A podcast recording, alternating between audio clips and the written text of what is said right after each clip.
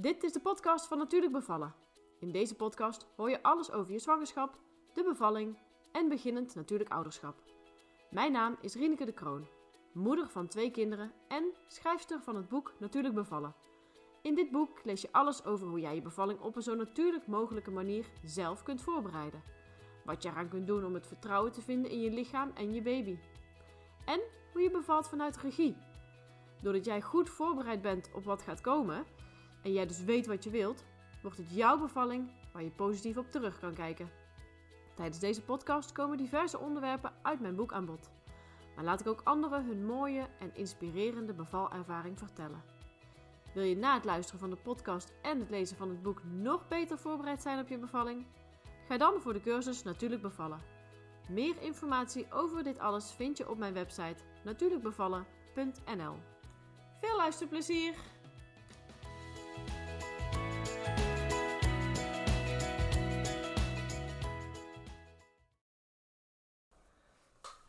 Hallo Joke, leuk eh, dat je deel wilt nemen aan deze podcast. Ehm, je bent uh, doula en ik zou graag eh, van jou willen weten wie je bent en wat jouw werk zoal inhoudt. Dus vertel eens iets over jezelf. Mijn naam is Joke van Strijp en mijn bedrijfsnaam is Hypnobirthing en Doula Den Bosch. Ik ben dus onder andere hypnobirthing docenten. Um, ik ben geboortedoula en postpartum doula. Dus drie verschillende titels. Um, los daarvan ben ik moeder van drie kindjes. Die heb ik samen met mijn partner Patrick. En uh, die drie kinderen zijn ook de aanleiding geweest om dit werk te gaan doen. Oké, vertel daar eens iets meer over. Um, mijn eerste zwangerschap uh, was vrij uh, medisch, omdat het kindje dus matuur was. En daar kwamen we al bij 20 weken echo achter. Het is een heel medisch traject geweest onder begeleiding van de gynaecoloog in het lokale ziekenhuis. En uiteindelijk heb ik uh, bij um, ehm, 37 weken geloof ik ingestemd met een, uh, met een inleiding. En dat was uh, niet zo'n hele fijne ervaring. natuurlijk wel een hele mooie dag omdat mijn zoontje geboren werd. Maar de weg daar naartoe was, was niet zo feestelijk. Um, toen werd ik een paar jaar later voor de tweede keer zwanger. En um, toen kreeg ik na een paar weken eigenlijk het besef van... Oh shit, deze moet er straks ook uit. en um, ja, daarnaast zat nog de angst of die zwangerschap uh, goed verliep of dat het weer een te klein kindje zou zijn. Gelukkig was het uh, verder een hele gezonde zwangerschap. En, um, maar toen ben ik wel heel bewust op zoek gegaan naar uh, hoe kan ik deze, het restant van deze zwangerschap fijn beleven vanaf 20 weken plus. En hoe kan ik mij nou eens positief voorbereiden op die, op die aanstaande geboorte? Want dat had ik de eerste keer eigenlijk niet gedaan. In de veronderstelling van het komt vast wel goed, iedereen doet het, dus ik kan het ook. En als ik het niet meer weet, dan heb ik uh, de medische ondersteuning in het ziekenhuis. Uh, maar ja, dat pakte dus niet zo uit zoals ik graag gezien had. Um, harde lessen geleerd. En de tweede keer dus zelf samen met mijn partner in de zwangerschap bij een hypnobirthing cursus terechtgekomen. Hele mooie voorbereiding gedaan op de geboorte. Uh, hele mooie thuisgeboorte gehad. Um, wel met wat medische complicaties op het einde. Uh, waardoor het uh, ja, onder andere nog in het ziekenhuis eindigde. Maar dat maakte mij helemaal niks uit. Want ik had mijn thuisbevalling gehad onder mijn voorwaarden. Um, op de manier zoals ik het wel wilde. En met een hele goede communicatie, vooral met de zorgverleners. En dat vond ik zo fantastisch. Zo had ik zoiets van, ja, dit moet iedereen weten. Waar, waarom zijn er zoveel nare verhalen? Waarom is er um, zo weinig voorbereiding, zo weinig gedegen, echte, uh, goede voorbereiding? En um, ja, toen, toen dacht ik van nou, ik ga zelf ook gewoon die cursus uh, geven. Uh, maar dat mag natuurlijk niet zomaar, want dat is een, uh, dat is een beschermde titel, hypnobirthing. Dus toen ben ik zelf de opleiding gaan doen om de cursus te mogen geven. En uh, op die manier ben ik uh, in het vak van geboortewerker uh, gerold. En in de derde zwangerschap, toen gaf ik de cursus al nog eigenlijk pas vrij kort. Dus toen was ik ook met een van mijn eerste groepen, was ik tegelijkertijd zwanger. Mijn eerste cursusgroepen. En ja, weer een hele mooie ervaring gehad. Wel weer in het ziekenhuis overigens, want dit kindje was wel weer te klein. Of uh, had een flinke groeiachterstand. Overigens ook helemaal gezond geboren. En ehm, ja, ook dus in die periode heel intensief eh, met de zwangeren van mijn groep eh, eh, heel intensief contact gehad, wat heel leuk was. En toen heb ik eigenlijk de kracht van hypnobirthing bevestigd gekregen. Maar um, ja, dus daar ben ik gewoon mee doorgegaan met die cursussen. En gaandeweg is geboortedoula uh, erbij gekomen. Um, en ook postpartum ondersteuning. Mm -hmm. Zo is dat eigenlijk een beetje gegroeid. Zo ben ik ja, uitgegroeid ja. tot een ja, volwaardig bedrijf. Ja, leuk. Leuk. Um, je vertelt dat je, dat je doula bent. Ja. Kun je daar iets meer over vertellen? Wat, wat doe je als doula? Wat doe je als doula? Um, een, een, heel groot gedeelte van het werk zit in de voorbereiding. En in het contact, uh, in de, de, afspraken vooraf met de zwangere en de eventuele partner. Um, in mijn geval heb ik minimaal twee afspraken met de zwangere. Soms meer, uh, als, als dat wenselijk is. Um, en in die afspraken uh, leren we elkaar goed kennen. Uh, we bespreken de wensen, de behoeftes en ook waar de grenzen liggen van zowel hen als van mij als van zorgverleners. We bespreken het geboorteplan. Um, ik maak ook vaak een, een schematische opstelling met, met het koppel. van wie zijn er straks allemaal betrokken bij de geboorte en welke plek krijgen die letterlijk. Hoe zie je dat voor je? Wie mag dichtbij komen? Wie wil je op afstand? Hoe lopen de communicatielijntjes? Um, verder doen we uh, oefeningen als daar behoefte aan is. Uh, ontspanningsoefeningen, ademhalingstechnieken, visualisatieoefeningen. Dus zo vullen we die, die twee gesprekken in. naast ja, praktische voorbereiding natuurlijk. Waar wil je bevallen? Hoe ziet dat eruit? Wat heb je nog nodig? Wat moet je nog regelen? Ja. Um, en hoe verloopt de zwangerschap? mentaal vooral. Dus niet, um, niet fysiek, daar, daar kijk ik niet naar. Mm -hmm. Of tenminste, daar geef ik geen, uh, geen ondersteuning bij. Um, ja, want dat stukje is natuurlijk meer van de verloskundige. Ja, dat is echt de verloskundige. Ja. Goed, er zit wel wat fysieke voorbereiding, maar ik doe geen check-ups van de baby. Ik nee. kijk niet naar de hartslag van de, de nee. vrouw, daar luister ik niet naar. Maar wel voorbereiding, als in hoe kan je uh, fit je zwangerschap beleven, zodat je goed voorbereid bent op de geboorte straks. Ja. Dus we kijken bijvoorbeeld wel naar voeding of naar oefeningen of naar yoga of uh, pilates of naar zwemmen. Hè. Ik, kijk wel naar hoe leef je nu, hoe sta je in die zwangerschap en wat kan je nog toevoegen aan voorbereiding om nog, nog optimaler en nog, nog fitter eigenlijk uh, die geboorte tegemoet te gaan. Um, en naast die twee uh, afspraken heb ik ook gewoon uh, veel uh, contact met ze. Een beetje op de achtergrond. Er wordt een, een, geboorteplan heen en weer gemaild en nog een keer. En we whatsappen. En als ze een belangrijke afspraak hebben gehad bij de verloskundige, dan koppelen we even terug ja. hoe dat is geweest. Of ze vragen van tevoren nog dingetjes aan mij die ze willen bespreken.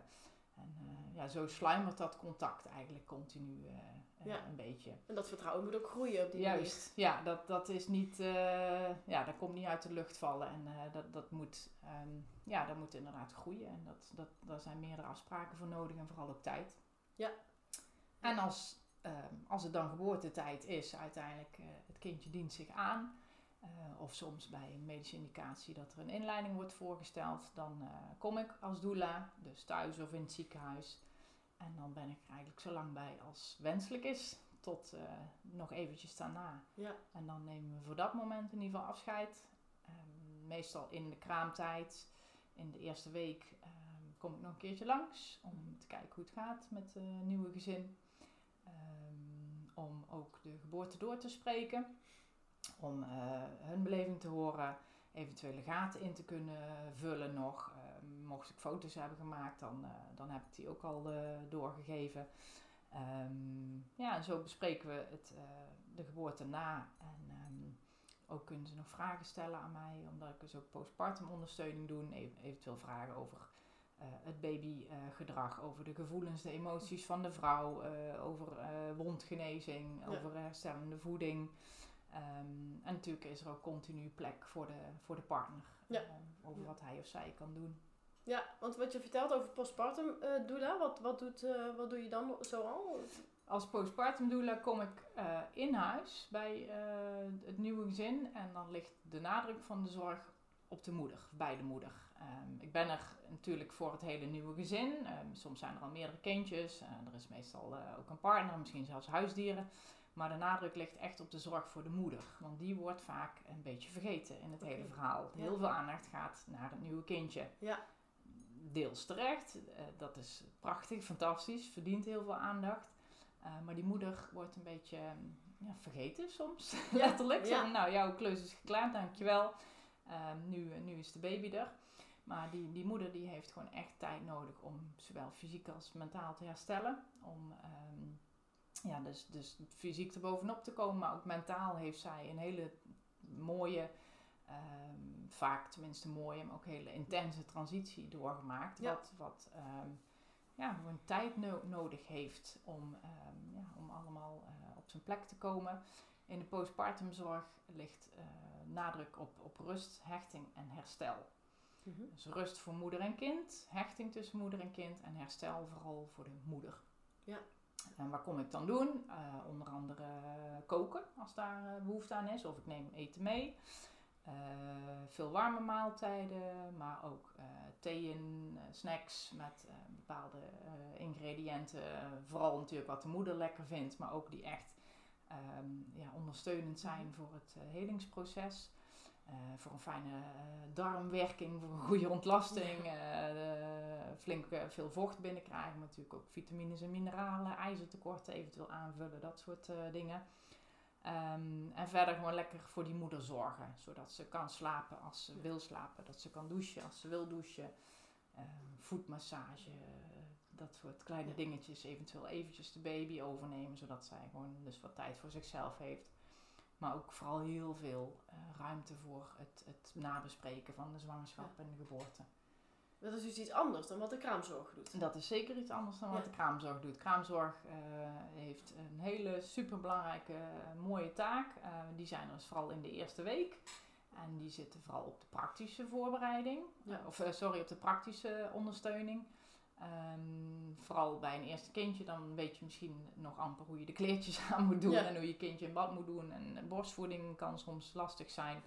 Eh, kraamzorg doet ook eh, huishoudelijke ondersteuning. Die, die poetsen de, het toilet. Ehm, die willen eventueel, als er tijd voor is, ook wel, wel koken. Mhm. Maar het zit hem dus vooral in het praktische. Ja. Eh, de eerste zorg voor moeder en, en kind en het huishouden. Eh, postpartum ondersteuning doet ook veel praktisch, maar ook mentale ondersteuning dus. En vooral als die kraamzorg weg is en die partner ehm, vaak ook weer aan het werk is. Ja. Ook al is dat nu vaak thuis Mhm. in tijden van corona. Ja. Maar toch is die partner eh, wel bezet vaak. Ja. En staat die vrouw er wel alleen voor met het kindje. Ja, ja. Even terug naar jouw rol als geboortedoula. Ja. Ehm, wat, wie zijn de mensen die bij jou komen? Ehm, de doula-cliënt eh, bestaat denk ik niet. Dat is niet iemand die, die heel specifiek eh, herkenbaar eh, of aanwijsbaar is. Ehm, ik krijg hele verschillende ehm, aanvragen. Ehm, zowel van dames die voor de eerste keer in verwachting zijn, hun eerste kindje verwachten, als ook dames die voor de tweede of misschien zelfs een derde keer in verwachting zijn. Ehm, die hebben allemaal ook verschillende hulpvragen, zal ik het maar noemen. Ehm, de ene die wil gewoon ehm, mee worden genomen in het, in het proces. Die, die, die zoekt een soort eh, van coach meer. Van eh, goh, hoe kan ik mij eh, eh, praktisch en toch positief voorbereiden? Ehm, waar moet ik allemaal op letten? Waar moet ik aan denken? Ik ben bang dat ik dingen vergeet. Ik ben bang dat mijn partner dingen vergeet. Wil, wil jij ons hierin begeleiden? Ehm, en anderen die hebben echt een hele specifieke hulpvraag. Bijvoorbeeld omdat er ehm, een keizersnede is geweest bij de eerste geboorte. En ze willen nu voor een vaginale bevalling gaan. Of omdat ze al weten dat ze in een medisch traject komen vanwege, ja, er kunnen allerlei eh, redenen zijn. Dat kan de gezondheid van eh, de moeder zijn, dat kan de gezondheid van het kindje zijn. En dat zij dus in die medische setting graag gesteund willen worden door een vast persoon. Eh, omdat in het ziekenhuis de personeelswisseling vaak eh, heel hoog is. Je ziet heel veel verschillende mensen. En ze willen een vast persoon, een vast baken, die ehm, er echt voor hen is. En verder ook geen belang heeft. Nou. Eh, die, die niks van ze vraagt. Die, die, die wil geen voortgang zien, die wil geen ontsluiting zien, die wil, ehm, eh, nou, die wil vooral dat het goed gaat met moeder, kind en eventuele partner. En ehm, dat, het, dat zij de, de, het geboorteproces ook kunnen beleven. Ook al is het medisch, want dan kan je ook een hele mooie ervaring hebben. Maar dan ga je er wel vaak iets anders in. Ja. er zijn wel andere dingen waar je op mag letten of waar je de, de aandacht aan mag geven. En als doula uh, kan ik dat doen, kan ik ze daar dus in, in uh, begeleiden. Ik ken ook de weg in het ziekenhuis. Um, ik spreek een beetje de taal van de, van de zorgverleners. ik kan dus waar nodig vertalen, hè, als er dingen worden geopperd, worden voorgesteld. Kan ik eventjes die vertaalslag maken om het even uit te leggen of te verduidelijken. Of gewoon vragen te stellen aan de zorgverlener weer. Van, goh, hoe bedoel je dit? Of kun je het uitleggen? Of mevrouw wil hier even over nadenken. Um, dus ik um, ja, uh, probeer ook die, die zorgverlener en de barende dichter bij elkaar te brengen. Zodat zij um, ja, elkaar ook be begrijpen en kunnen gaan samenwerken. En niet tegenover elkaar komen te staan. Ja, precies. Dus je staat er eigenlijk inderdaad tussen als ehm, dat wenselijk is of nodig, dan doe ik dat. Ja, ja, precies. Ja. En wat is dan het, het verschil tussen jou als doula en de uh, verloskundige? Um, kijk even naar de eerste lijnsverloskundige, dus vanuit de verloskundige praktijk. Als het gaat om de geboorte, uh, dan komt zij vaak een keer. als, als de zwanger of de partner haar belt. Um, kans dat ze ontsluiting uh, meet. Um, dat ze dus naar de vordering kijkt en als die vordering uh, er wel is, maar nog niet heel veel, dan zegt ze, nou ik kom over een paar uur wel terug. Of bel mij als, uh, als, het, uh, als het intens wordt of als het echt heftig wordt of als de, de frequentie van de weeën dit en dat is. Um, helemaal, helemaal goed, maar die, die barende en die partner die kunnen toch wel behoefte hebben aan ondersteuning, aan, aan een vast persoon die um, ja, die met ze uh, het proces bewaakt. Die zorgt voor eten en drinken, die mee het bad opzet, het, het bad ook vult. Uh, meekijkt naar afwisselingen van houdingen, die de vrouw geruststelt. Um, adem, ademhalingstechnieken doet. Um, het kunnen allerlei, het kunnen heel veel uh, dingetjes samen zijn. Vaak heel veel kleine dingetjes die je ook vooral bij de eerste kindje van tevoren niet voorziet die kunnen gebeuren, maar waardoor het toch fijn is om die extra persoon erbij te hebben. Um, ook uh, massagetechnieken, um, inzet van uh, etherische oliën doe ik bijvoorbeeld ook. Uh, spinning babies technieken, als dat, okay, dat van toegevoegde waarde is. Ja. ja. Um, dat is ook iets wat je ook in die voorbereiding meeneemt. Ja, aan. dat kunnen we ook eventueel al, al echt al oefenen. Of als, als er bijvoorbeeld inderdaad behoefte is aan, aan ondersteuning met etherische oliën. Uh, dan laat ik ze van tevoren al een selectie maken uit de olie die ik heb, of die ze misschien zelf hebben, van goh, uh, wat wil je straks gaan gebruiken. Ja. Zodat we um, grotendeels non-verbaal kunnen gaan, kunnen gaan communiceren op de dag zelf, of in de nacht, tijdens het ja. geboorteproces. Dat ik niet constant hoef te vragen. Ja. Wil je dit? Wil je dat? Zou je dit fijn vinden? Waar ligt dat? Hoe zie je dit? Hoe zie je zo? Waar, waar staat dat? Ja, dat is niet dat, fijn. Dat weet ik dan. Dat weet ik al, want dat hebben wij in die voorgesprekken hebben wij dat al besproken. Um, ik ben daar uh, thuis. Uh, ik, ben daar, uh, ik, ben, ik kan daar vrij bewegen. Ik weet waar alles staat. Ja. En zij kan doen waar zij goed in is. haar kindje ja. baren. En hij mag er gewoon bij zijn. Of zij, dat kan natuurlijk ook. -hmm. de partner mag er gewoon bij zijn om het ook mede te beleven. Ja, en niet met allerlei randvoorwaarden bezig zijn. Ja, inderdaad. Ja. ja. want soms dan mag die partner letterlijk niet weg bij haar. Dan wordt hij echt geclaimd. Dan, dan moet ze constant die hand vasthouden of ze willen hem in haar zicht hebben. Um, maar toch is het echt wel belangrijk dat ze ook uh, eten en drinken. Of dat de deur open gedaan wordt voor de verloskundige of voor de kraamzorg. Of dat er uh, kruikjes worden uh, gepakt. Om maar wat te noemen. Um, maar ook, uh, ja, ik ben ook een beetje denkende, de, denkende brein. Van wanneer is ze voor het laatst naar het toilet geweest? Ligt ze niet okay. te lang in dezelfde houding? Ja. Dat soort dingetjes, daar let ik ook mee, dat uh, mee dus op. ook. Ja. Inderdaad, verschillende ja. houdingen ook aannemen. Dat ja. is ook iets, denk ik, wat je meeneemt in je voorbereiding. Ja, dan, dan spreken we over het belang van afwisseling van houdingen. Uh, als ze bij mij een cursus hebben gedaan, dan is dat al aan bod gekomen. En anders dan benadruk ik het nog een keer dat het, het geboorteproces echt goed kan bevorderen als je regelmatig het liefst van houding wisselt, maar ook uh, in ieder geval tijdens de ontsluitingsfase zoveel mogelijk verticaal ja. uh, bent. En dat hoeft niet letterlijk staan of zitten, hm. maar semi-verticaal, een beetje uh, half onderuit gezakt of ja. op, een, op een bal is ook al hartstikke goed. Ja. Uh, af en toe lekker een stukje wandelen, een keer naar het toilet op en neer. Dan ga je maar een keer naast het bed staan en trek je eerst je linkerbeen op en dan je rechterbeen. Dat, dat is ook beweging. Ja, ja. Maar waak ervoor om, om passief op bed uh, te gaan liggen. Ja, precies. Te blijven liggen. Je ziet dat ook aan de vrouw waarschijnlijk, hè, wat zij op dat moment ook nodig heeft. Je, je bespreekt dat uh, op dat moment ook vooraf. Ja. Um, zijn er verder nog andere uh, technieken die je toepast als je het hebt over visualisaties of affirmaties? Uh, dat zijn uh, dingen die toegepast kunnen worden als de vrouw daar behoefte aan heeft. Vaak hebben we dat van tevoren inderdaad al besproken. Als er bijvoorbeeld een zwangerschapscursus is gedaan of specifieke hypnobirthing cursus, dan zijn ze daar bekend mee en dan vinden ze dat vaak ook fijn. En ik vraag dan ook echt van, goh, wat denk jij dat jou straks gaat helpen als het pittig wordt? welke woorden wil je horen? Um, of welke affirmaties? Um, wat wil je ook bijvoorbeeld echt niet horen? Op welke, welke woorden wil je niet dat gebruikt worden? Op welke manier wil je niet aangesproken worden? Soms moet dat ook echt benoemd worden.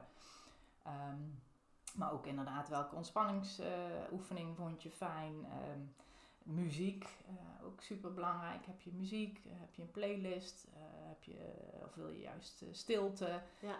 dat soort dingen bespreken we allemaal. En ja, het liefst verzorg ik dat dus, dus non-verbaal. Ik, ik kom binnen, ik schuif de gordijnen dicht, ik zet die muziek aan als, als dat ja. voor mij toegankelijk is. Ik zet dat specifieke eten of drinken klaar, ik doe een kaarsje aan ja, ik zorg gewoon dat alles van wat wij van tevoren besproken hebben, dat dat zoveel mogelijk wordt uh, ja, ja, geregeld. Vooral. Ja, ja ik ben ook een beetje de regelaar. Ja, ja, ja, ja. want partners weten vaak ook misschien niet eens wat ze op dat moment moeten doen. Nee.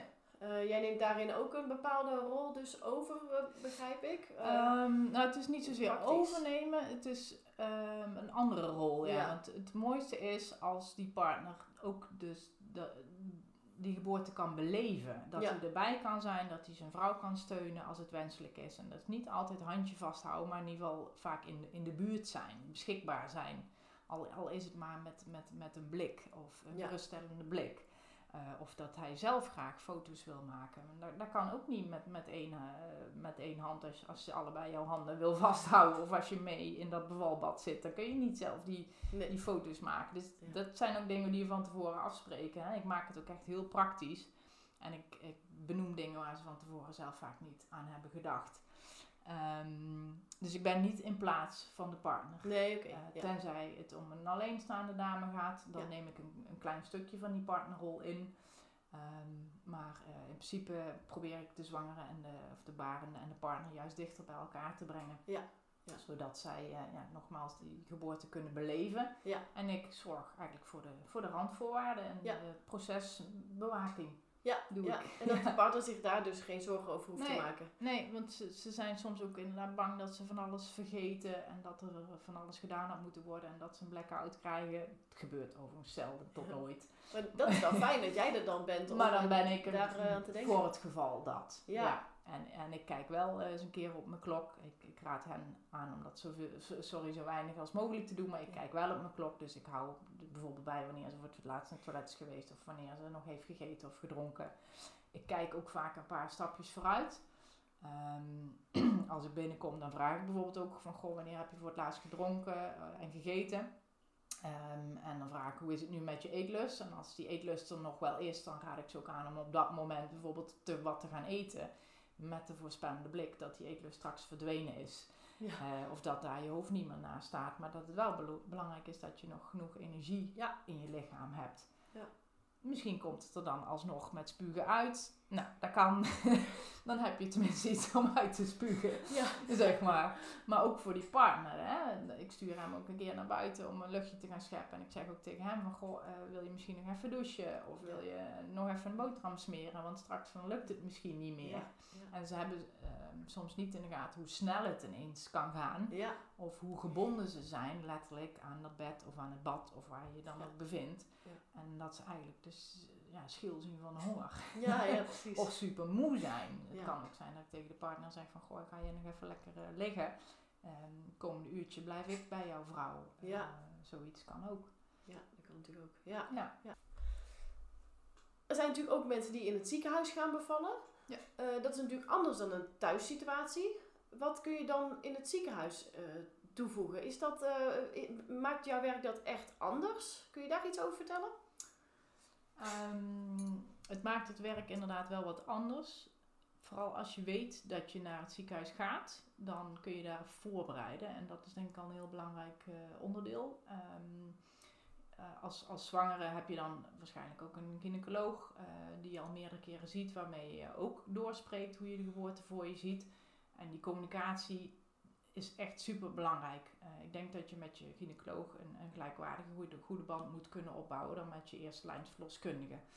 Eh, ook, al, eh, ook al is het medisch. Het, het gaat nog steeds om, om de geboorte, om jouw geboorte of de geboorte van jouw baby, om jouw beleving. Jij bent als zwangere nog steeds het allerbelangrijkste, of je nou thuis bent of in het ziekenhuis. En ik denk dat je heel veel van wat je anders thuis zou willen of doen, dat je dat ook in het ziekenhuis kan waarmaken. Maar dat vraagt dus wel voorbereiding.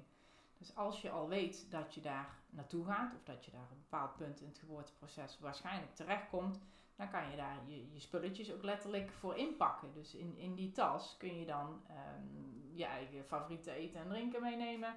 Ehm, je muziek, eventueel eh, iets wat eh, een fijne geur afgeeft. Ehm, eh, kaarsen en diffusers zijn meestal niet toegestaan, maar je kunt wel gewoon eh, je olie meenemen en die op een, op een wattenschijfje of op een zakdoekje sprenkelen. Of eh, aan je doula of aan je partner vragen om ze te gebruiken in een voet- of rugmassage. Ja. Ehm, ik, ik stimuleer ook vaak de dames om bijvoorbeeld je favoriete dekentje mee te nemen. Of je eigen kussen, of je lekkere pyjama. Of voor mijn part een foto, een knuffel, een steen, een zoutsteenlampje, een, Ja. een affirmatiekaartenslinger, eh, een mooie eh, moodboard. eh. ja, Ja. probeer vrouwen altijd uit te nodigen om het ehm, als een feestje te benaderen. Ja. Ja, ehm, misschien heb je in dit geval de locatie niet geheel eh, zelf uitgekozen. Misschien had je een feestje liever thuis gegeven. Maar als je toch weet van nou, we gaan naar het ziekenhuis, dan gaan we daar iets moois van maken. Ja.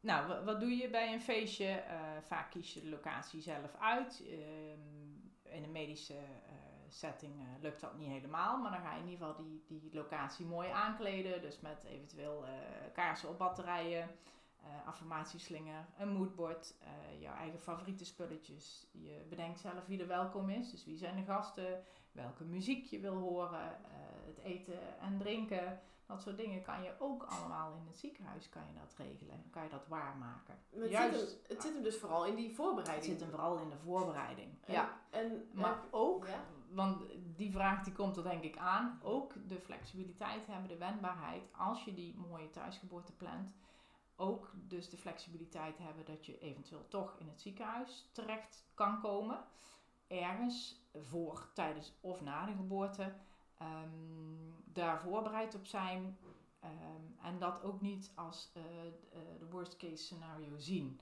Eh, het, het, het zou niet het doemscenario moeten zijn om in het ziekenhuis terecht te, te komen. Ja. Dus ga daar eens kijken als het kan. Of kijk het webinar ehm, nu in tijden van corona van het ziekenhuis. eh, of vraag aan anderen die er zijn geweest. Hoe ziet het eruit? Hoe werkt, daar, eh, eh, hoe werkt het daar?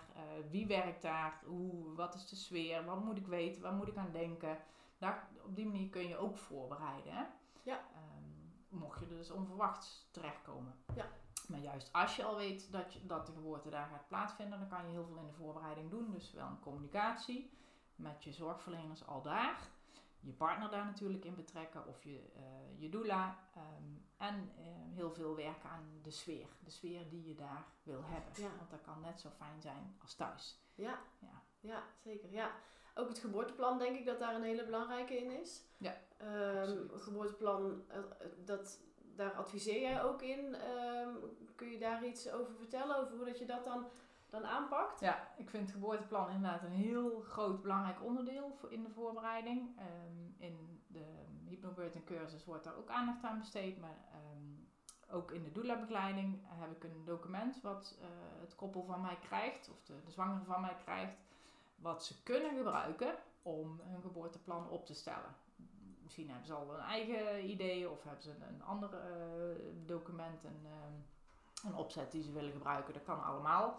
Maar in de opzet, eh, in het document wat ik gebruik, staan eigenlijk vooral heel veel vragen. Ja, ja. Het staat, er staat niet in wat je moet doen of hoe je het moet doen. Ehm, ook de opties staan sumier beschreven. Er staan vooral heel veel vragen om ze uit te nodigen om zelf onderzoek te gaan doen. Ja. Ehm, en Ja. daarbij dus ook verschillende scenario's in een achterhoofd te houden. Het zogenaamde plan A, plan B.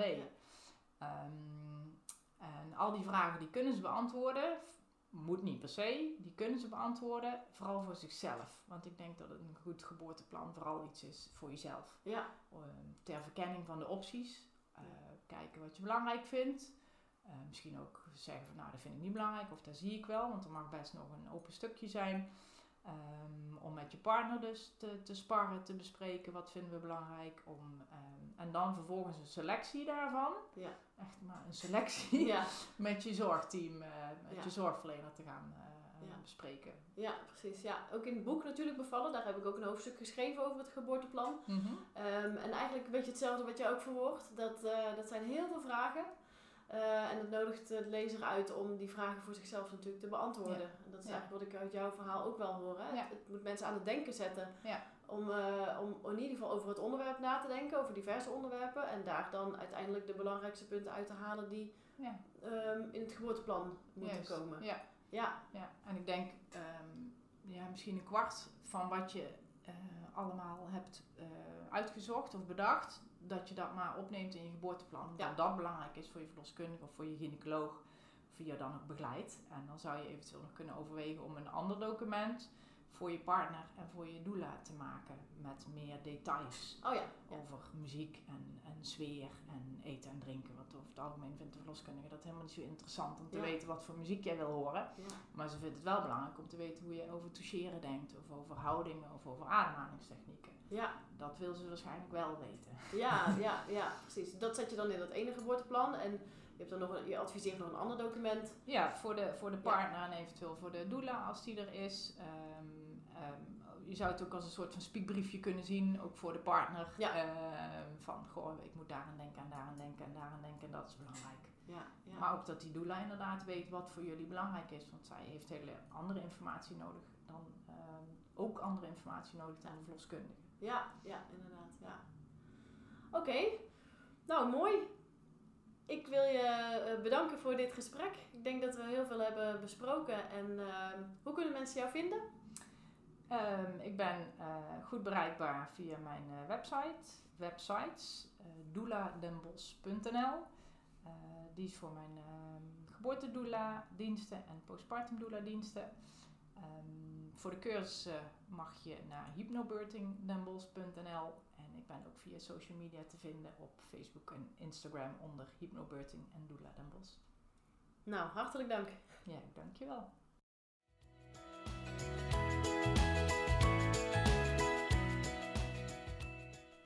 Dit was de podcast voor deze keer. Wil je meer weten over Natuurlijk Bevallen?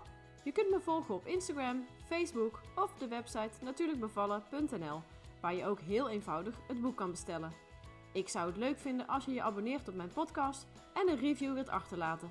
Dat helpt om beter vindbaar te zijn, zodat nog meer vrouwen zich kunnen laten inspireren voor hun bevalling.